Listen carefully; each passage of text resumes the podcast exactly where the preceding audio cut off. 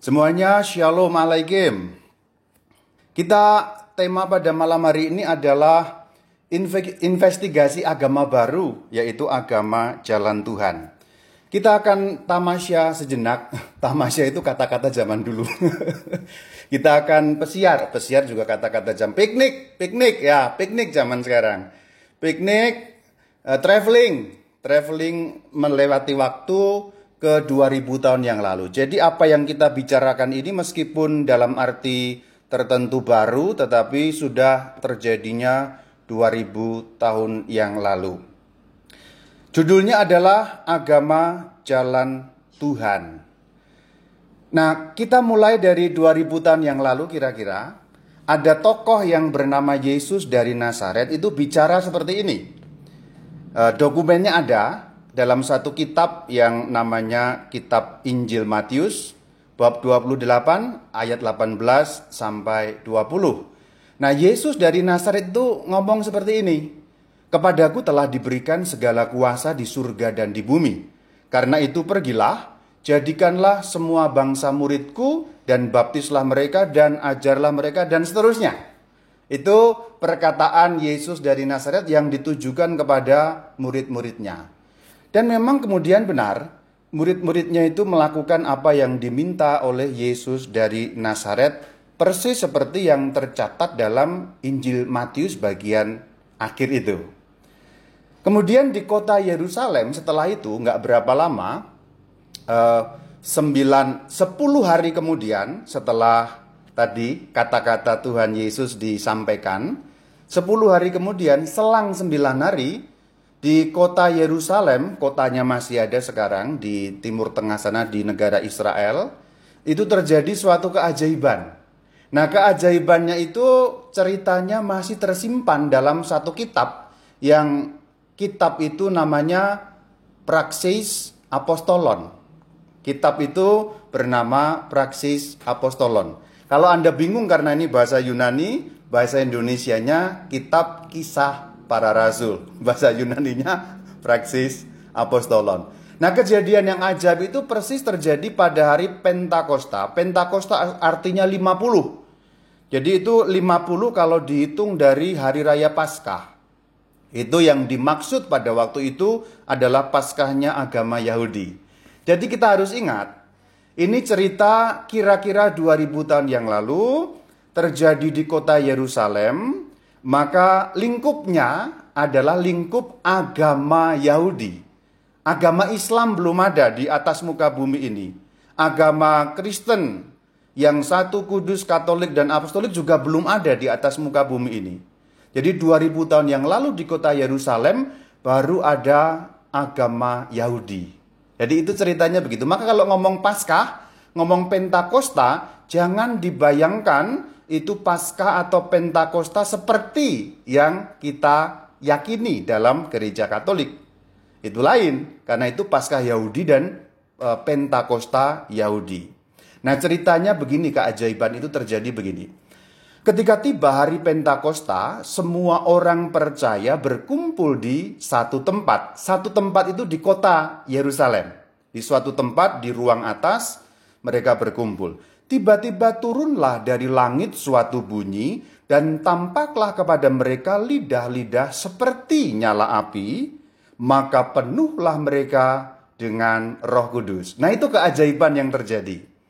Keajaiban yang terjadi pada hari Pentakosta. Itulah kenapa hari turunnya Roh Kudus kemudian dirayakan oleh orang Kristen sebagai hari raya Pentakosta.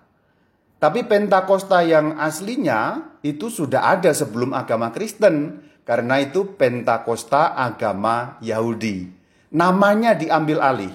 Jadi kalau kita ngomong Paskah itu ada dua macam. Paskah Yahudi, Paskah Kristen. Pentakosta juga dua macam. Pentakosta Yahudi, Pentakosta Kristen. Itu terjadi tahun 33, 33 Masehi ya bukan 33 1933 tapi itu 33 Masehi. Maka pada hari Pentakosta Yahudi tahun 33 Masehi di kota Yerusalem itu kemudian terbentuk suatu agama baru. Tadi saya katakan yang sebelumnya ada itu adalah agama Yahudi. Jadi agama yang yang sekarang ada belum ada, Islam Kristen itu belum ada. Pada waktu itu di kota Yerusalem baru ada agama Yahudi.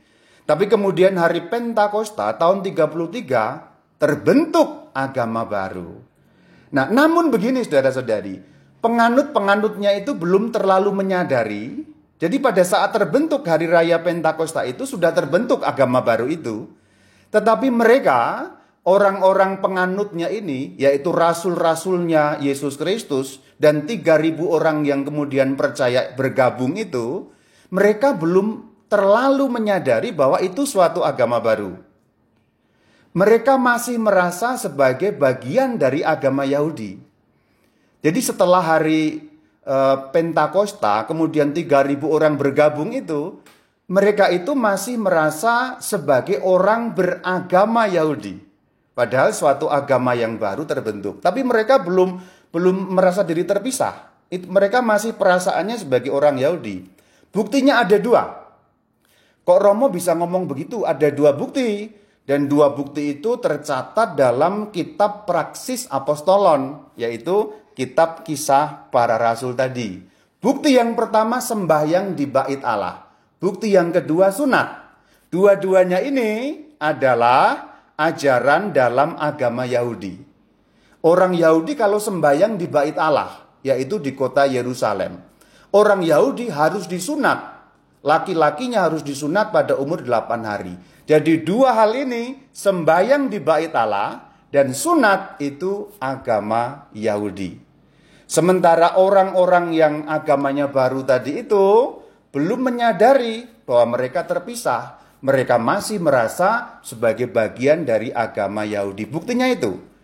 Ada juga dokumennya. Dalam praksis apostolon bab 3 ayat 1 yang berbunyi pada suatu hari menjelang waktu sembahyang yaitu pukul 3 petang naiklah Petrus dan Yohanes ke ke mana? Bait Allah. Jadi mereka setelah hari Pentakosta masih pergi ke bait Allah untuk menunaikan sembahyang. Sembahyang yang dimaksud itu itu adalah sembahyang menurut cara Yahudi. Jadi dalam praksis apostolon 3 ayat 1 yang dimaksud sembahyang itu sembahyang menurut agama Yahudi, sembahyangnya di bait Allah. Itu bukti pertama bahwa penganut agama yang baru itu masih merasa bagian dari agama Yahudi. Bukti yang kedua ini masih kitab yang sama, Praksis Apostolon bab 15 ayat 5. Orang-orang Farisi yang telah percaya berkata, orang-orang bukan Yahudi harus disunat. Yang telah menjadi percaya itu maksudnya sudah bergabung dengan agama baru tadi itu. Agama yang diperintahkan oleh Yesus dari Nazaret tadi itu. Jadi rupanya mereka sudah menjadi percaya tetapi masih mewajibkan sunat. Sunat itu kewajiban agama Yahudi. Maka kalau mau di mau dibilang sebenarnya agama baru itu masih merasa bagian dari agama Yahudi tetapi juga ada unsur yang beda. Kalau digambar kira-kira seperti ini.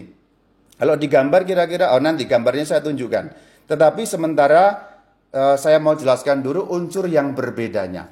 Jadi ada unsur yang sama. Jadi ada dua ya agama Yahudi, agama yang baru terbentuk itu.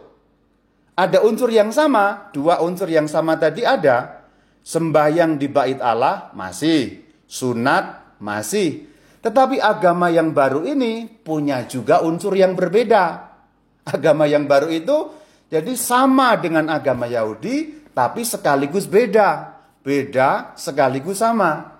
Kita lihat apa yang beda. Yang beda tercatat dalam praksis Apostolon 2 ayat 46. Dikatakan dengan bertekun dan sehati mereka berkumpul di mana di bait Allah. Kumpul di bait Allah itu agama Yahudi. Tetapi ada kelainan di situ. Mereka memecahkan roti. Nah ini aneh. Orang Yahudi tidak berbuat seperti itu. Agama Yahudi tidak mewajibkan seperti itu. Kalau di bait Allah dan sunat, iya. Tapi memecahkan roti itu maksudnya apa? Untuk tahu artinya memecahkan roti, kita harus membuka Injil Lukas. Karena kisah para rasul yang menulis Lukas. Maka karena kisah para rasul yang menulis Lukas, kita harus tanya rujukannya di Injil Lukas. Apa arti memecahkan roti? Sebab memecahkan roti itu suatu istilah saudara-saudari. Kalau kita buka Injil Lukas, yaitu Lukas 24 ayat 30, itu di Emmaus. Ingat ya, belum lama ada, ada bacaannya itu kan ya, hari Minggu ya. Yang dua orang pulang ke Emmaus. Sampai di rumah, Yesusnya ikut uh, ikut datang ke rumah, kemudian dikatakan di Emmaus, ini cerita di Emmaus. Waktu ia, ianya Yesus, duduk makan dengan mereka, ia mengambil roti, mengucap berkat, lalu memecah-mecahkannya. Memecah-mecahkan roti. Jadi ini rujukan tadi dari kisah para rasul. Tetapi rujukan yang paling utama ada di Lukas 22 ayat 19. Yesus mengambil roti, mengucap syukur, memecah-mecahkan roti itu, memberikannya kepada para murid. Ini apa? Ekaristi. Jadi, agama baru tadi me, apa namanya melaksanakan tata cara Yahudi, sembahyang di bait Allah dan sunat, tetapi sekaligus juga ekaristi. Karena apa? Karena mereka belum merasa, belum terlalu sadar bahwa mereka agama yang baru. Kalau kita lihat seperti ini bagannya. Saya membuat semacam bagan supaya menggambarkan. Yang warna coklat itu agama Yahudi. Yang warna biru itu agama yang baru tadi. Saya sebutnya agama Yahudi plus plus. ini jangan mikir yang aneh-aneh plus plus itu ya. Tapi agama Yahudi plus plus. Maksudnya apa? Mereka masih bertindak seperti orang beragama Yahudi, tetapi ada plusnya. Plusnya tadi itu merayakan Ekaristi. Nah, kalau mau digambarkan ada lingkaran masih agak nempel, tetapi tidak nempel persis, ada bagian yang berbeda. Yang bagian biru itu ada bagian bedanya. Jadi itu dua agama, tetapi mereka masih merasa satu agama. Kemudian berlanjut. Tapi lama-lama kelompok agama baru itu dimarahi oleh para pemuka agama Yahudi. Pemimpin-pemimpin agama Yahudi tidak setuju. Karena kalian ngawur. Kalian mengajarkan sesuatu yang berbeda. Kacau kalian ini. Kira-kira begitulah. Dengan dengan wajah serem dikatakan dalam praksis apostolon bab 4 ayat 2 orang-orang itu sangat marah. Yang dimaksud orang-orang itu siapa? Imam-imam, maksudnya ini imam agama Yahudi, pengawal bait Allah dan orang-orang Saduki ada di ayat 1. Kalau Anda lihat slide-nya itu. Jadi pemimpin-pemimpin agama Yahudi marah. Sudah serem belum itu marahnya? Ya kira-kira begitulah. Karena ini orang Yahudi kok mengajarkan yang enggak-enggak kira-kira begitu. Yahudi tapi kok ada plus-plusnya, maka dimarahi. Kemudian ada rentetan penangkapan-penangkapan. Nanti disimak sendiri. Setelah bab 4 itu, dalam kitab Praksis Apostolon itu, bab 4, bab 5 dan seterusnya, nanti ditangkap, dianiaya dan sebagainya. Bahkan Petrus dan eh, Petrus sampai sempat dipenjara juga karena peristiwa ini. Jadi agama baru itu tidak direstui oleh para pemimpin agama Yahudi. Mereka marah.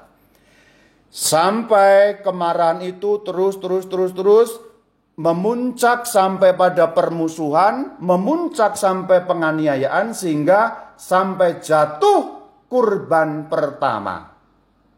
Sampai jatuh kurban tewas atau gugur. Orang itu bernama Stefanos. Stefanos itu dalam ejaan Yunani. Kalau Anda e, baca Alkitab dalam bahasa Yunani, Stefanus itu berbunyi Stefanos. Dalam praksis apostolon bab 6 ayat 12. Mereka menyergap Stefanus, menyeretnya dan membawanya ke hadapan mahkamah agama. Sebenarnya persoalannya apa sih? Ya tadi itu plus-plus tadi itu loh sebenarnya persoalannya. Ini orang Yahudi kok nambah-nambahin gitu loh, kira-kira begitu. Ini orang agama Yahudi kok mau ngerusak tata cara yang sudah baku, kira-kira begitu. Maka dibawa disidang di mahkamah agama. Akhirnya tewas, gugur. dirajam. Itu ada di bab 7 ayat 58 dan kemudian ada di bab 8 juga. Eh, Stefanos mati dibunuh dengan dilempari batu. Itu titik pertama sebelum nanti penganiayaan atau sebelum nanti penghancuran demi penghancuran kepada orang-orang agama baru itu. Setelah kejadian Stefanus ini, peristiwanya menjadi begitu mengerikan. Kita lihat pada bab 8, pada waktu itulah mulai penganiayaan. Jadi seakan-akan tewasnya Stefanus sebagai proto martir Proto nomor satu, martir ya martir. Jadi Stefanus itu gelarnya proto martir, artinya martir pertama, yang terbunuh pertama. Sebelum itu belum ada. Memang dicambuki, di apa, disiksa, tapi nggak ada yang mati. Pertama mati Stefanus. Setelah itu luar biasa dianiaya. Itu ayatnya di Praksis Apostolon 8 eh, ayat pertama dan seterusnya. Penganiayaan yang hebat.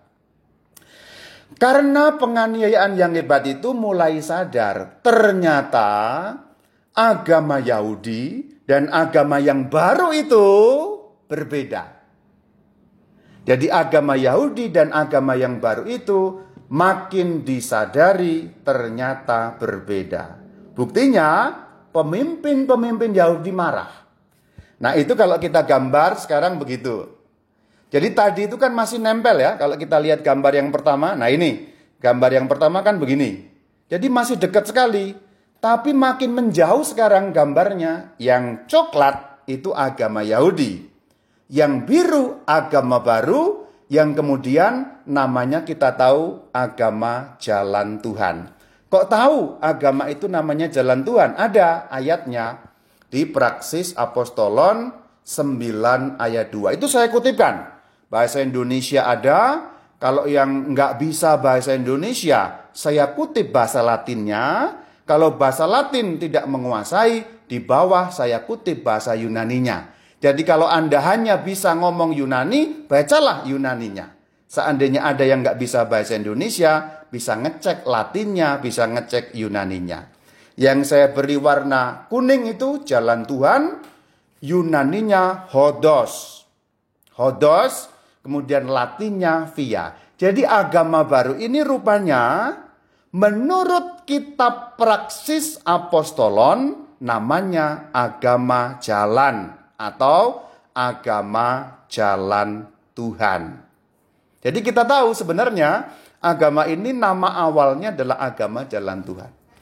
Mungkin ini baru bagi Anda, tapi mungkin juga tidak baru. Mungkin Anda sudah baca ayat-ayat ini beribu-ribu kali, tapi baru nggak sekarang. Bahwa Nama agama baru ini agama jalan, hodos, via, atau agama jalan Tuhan. Kemudian di kota Antioquia, ini tadi di kota Yerusalem ya, di, di pusat kota Yerusalem. Kemudian kan makin luas, karena apa? Karena penganiayaan tadi itu loh. Justru karena dianiaya, kemudian mereka tersebar. Akhirnya sampai di kota-kota lain. Nah, di kota Antioquia, agama jalan Tuhan ini punya nama alias. Lo kok tahu Rama? Tahu, karena tercatat dalam praksis apostolon 11 ayat 26. Bunyinya, di Antioquia lah murid-murid itu untuk pertama kalinya disebut Kristen. Stop. Kalau istilah Kristen ini jangan membayangkan protestan, itu beda. Sebab di Indonesia kalau orang ngomong Kristen, pikirannya itu Protestan. Orang sering membedakan Katolik dan Protestan, Katolik dan Kristen salah itu. Katolik dan Protestan. Sebab Katolik itu asli-aslinya Kristen, saudara-saudari. Jadi kalau membaca ayat ini jangan salah pikirannya. Pikirannya Kristen yang itu, bukan. Kalau yang itu, itu, itu, itu, itu namanya Protestan. Kalau Kristen itu yang aslinya. Jadi agama jalan Tuhan rupanya punya nama alias yaitu Kristen dari bahasa Yunani Christianos. Kalau jamak Christianoi artinya pengikut Kristus atau para pengikut Kristus. Tetapi begini saudara-saudari, Meskipun sudah punya nama Kristen, meskipun sudah ada nama Kristianos, tetapi nama jalan Tuhan itu tidak hilang ternyata. Kalau kita membaca praksis apostolon sampai bagian-bagian agak belakang, contohnya pada bab 18. Tadi ini kan pada bab 11. Nama Kristen muncul di bab 11. Kalau kita membaca bab 18, saya kutipkan beberapa contoh saja bahwa Begitu ada nama Kristen, nama jalan Tuhan juga tetap dipakai. Praksis Apostolon 18 ayat 24 tentang Apolos yang telah menerima pengajaran dalam jalan Tuhan. Itu bahasa Yunaninya biar saya kelihatan pinter sedikit lah. Praksis Apostolon bunyinya aposto uh, Apolos onomati. Nah, Apolos namanya. Aftu in, nah itu itu katekese. Katikimenos. Nah, itu ya pengajaran. Jadi katikimenos itu pengajaran. Jadi uh, aftos in katikimenos tin odon tukuriu. Odon dari kata hodos tadi tu itu uh, dari of kuriu kurios jalannya Tuhan. Jalan Tuhan. Dah saya pura-pura bisa baca Yunani lah, padahal nggak bisa. Tadi saya sudah ngapalin dari pagi, jadi. nah, contoh lagi. Praksis apostolon bagian-bagian terakhir juga masih bicara mengenai jalan Tuhan. Tetapi Felix yang tahu benar-benar akan jalan Tuhan. Nah itu. Eidosta, uh, eidosta tap, uh, peri tis odo. Jadi sama, eh, dipakai juga agama jalan Tuhan. Nah, peristiwa yang sangat kuat yang memisahkan Yahudi dengan jalan Tuhan atau Kristen adalah peristiwa mengenai pertemuan di Yerusalem yang latar belakangnya begini. Ini yang membuat agama yang baru yang namanya agama jalan Tuhan alias Kristen tadi betul-betul berpisah, total berbeda dari agama Yahudi. Itu ceritanya. Orang-orang bukan Yahudi itu dikatakan, orang-orang bukan Yahudi itu dikatakan eh, harus apa? Disunat dan diwajibkan untuk menuruti hukum Musa. Maksudnya bagaimana sih ini maksudnya? Di dalam agama yang baru itu, agama jalan Tuhan atau agama Kristen tadi itu masih ada perdebatan karena sebagian di antara mereka masih merasa sebagai bagian dari agama Yahudi. Agama Yahudi wajib sunat, agama Yahudi wajib melaksanakan hukum Musa. Maka kalau mau jadi orang agamanya Kristen atau agama jalan Tuhan wajib sunat, wajib hukum Musa. Nah, di situ ada persidangan para rasul. Ini yang disebut sebagai Muktamar Yerusalem atau Sinode Yerusalem atau Konsili Yerusalem atau Pertemuan Yerusalem untuk bicara mengenai persoalan sunat. Persoalan dasarnya adalah apakah orang yang beragama jalan Tuhan harus menjalankan peraturan agama Yahudi atau tidak, khususnya sunat dan hukum Musa. Ternyata keputusannya tidak, yaitu dalam kitab Praksis Apostolon 1528. Itu dikatakan, kepada kamu jangan ditanggungkan lebih banyak beban. Artinya, sekarang agama Yahudi dan agama jalan Tuhan betul-betul pisah. Tadinya masih merasa satu, makin jauh makin jauh karena penganiayaan tadi akhirnya betul-betul terpisah karena orang beragama jalan Tuhan tidak wajib sunat. Tahu sunat ya? Udah tahu lah pokoknya itu sunat ya, udah nggak usah dibahas, pokoknya tahu lah. Jadi orang beragama jalan Tuhan tidak wajib sunat dan tidak wajib menjalankan hukum Musa. Maka di sini kalau digambarkan jadi seperti ini yang coklat agama Yahudi, yang biru agama jalan Tuhan alias agama Kristen. Jadi sebenarnya yang mau saya ceritakan di sini adalah cikal bakalnya atau sejarahnya. Ceritanya awal-awalnya bagaimana, Mungkin Anda baca ribuan kali cerita itu tetapi tidak persis ngeh apa yang terjadi. Jadi sebenarnya agama jalan Tuhan itu memang akarnya dari agama Yahudi. Dulu awalnya merasa satu dengan agama Yahudi, tapi ada perbedaan. Mereka masih sembayang di bait Allah, mereka masih sunat, tetapi juga kok merayakan Ekaristi. Kemudian dilarang oleh pemimpin agama Yahudi, akhirnya makin jauh. Akhirnya makin jauh, dianiaya sampai dibunuh-bunuhin. Makin pisah, perpisahan yang kemudian kamu, saya, and itu adalah peristiwa ketika diputuskan orang beragama jalan Tuhan tidak wajib sunat. Jadi ini sebenarnya menelusuri 2000 tahun yang lalu. Cikal bakalnya begitu. Supaya kita tidak kehilangan akar-akarnya. Kalau kita langsung ujuk-ujuk zaman sekarang sebenarnya kurang tepat. Karena agama kita yaitu agama jalan Tuhan alias agama Kristen yang satu kudus, katolik, dan apostolik ini punya akar sejarah yang panjang. Lalu agama jalan Tuhan lama-lama sebagai istilah menghilang atau tidak populer. Kemudian yang populer sebagai istilah adalah Kristen sampai hari ini. Kristen nama panjangnya Kristen yang satu, kudus, katolik, dan apostolik. Di Indonesia terkenalnya agama katolik Kristennya sering ketinggalan. Bahkan orang Katolik kalau ngomong Kristen itu malah untuk orang lain. Kalau orang Kristen itu, lah kamu itu orang apa? Ya kamu itu orang Katolik, yaitu ya orang Kristen. Malah asli-aslinya Kristen, akar-akarnya, asal-usulnya, yang paling utama, yang lain-lain itu kan nyempal ranting-ranting yang memisahkan, cabang-cabang memisahkan yang tidak lagi bersatu dalam Kristen yang mula-mula. Inilah investigasi agama jalan Tuhan. Shalom alaikum. Alaikum shalom.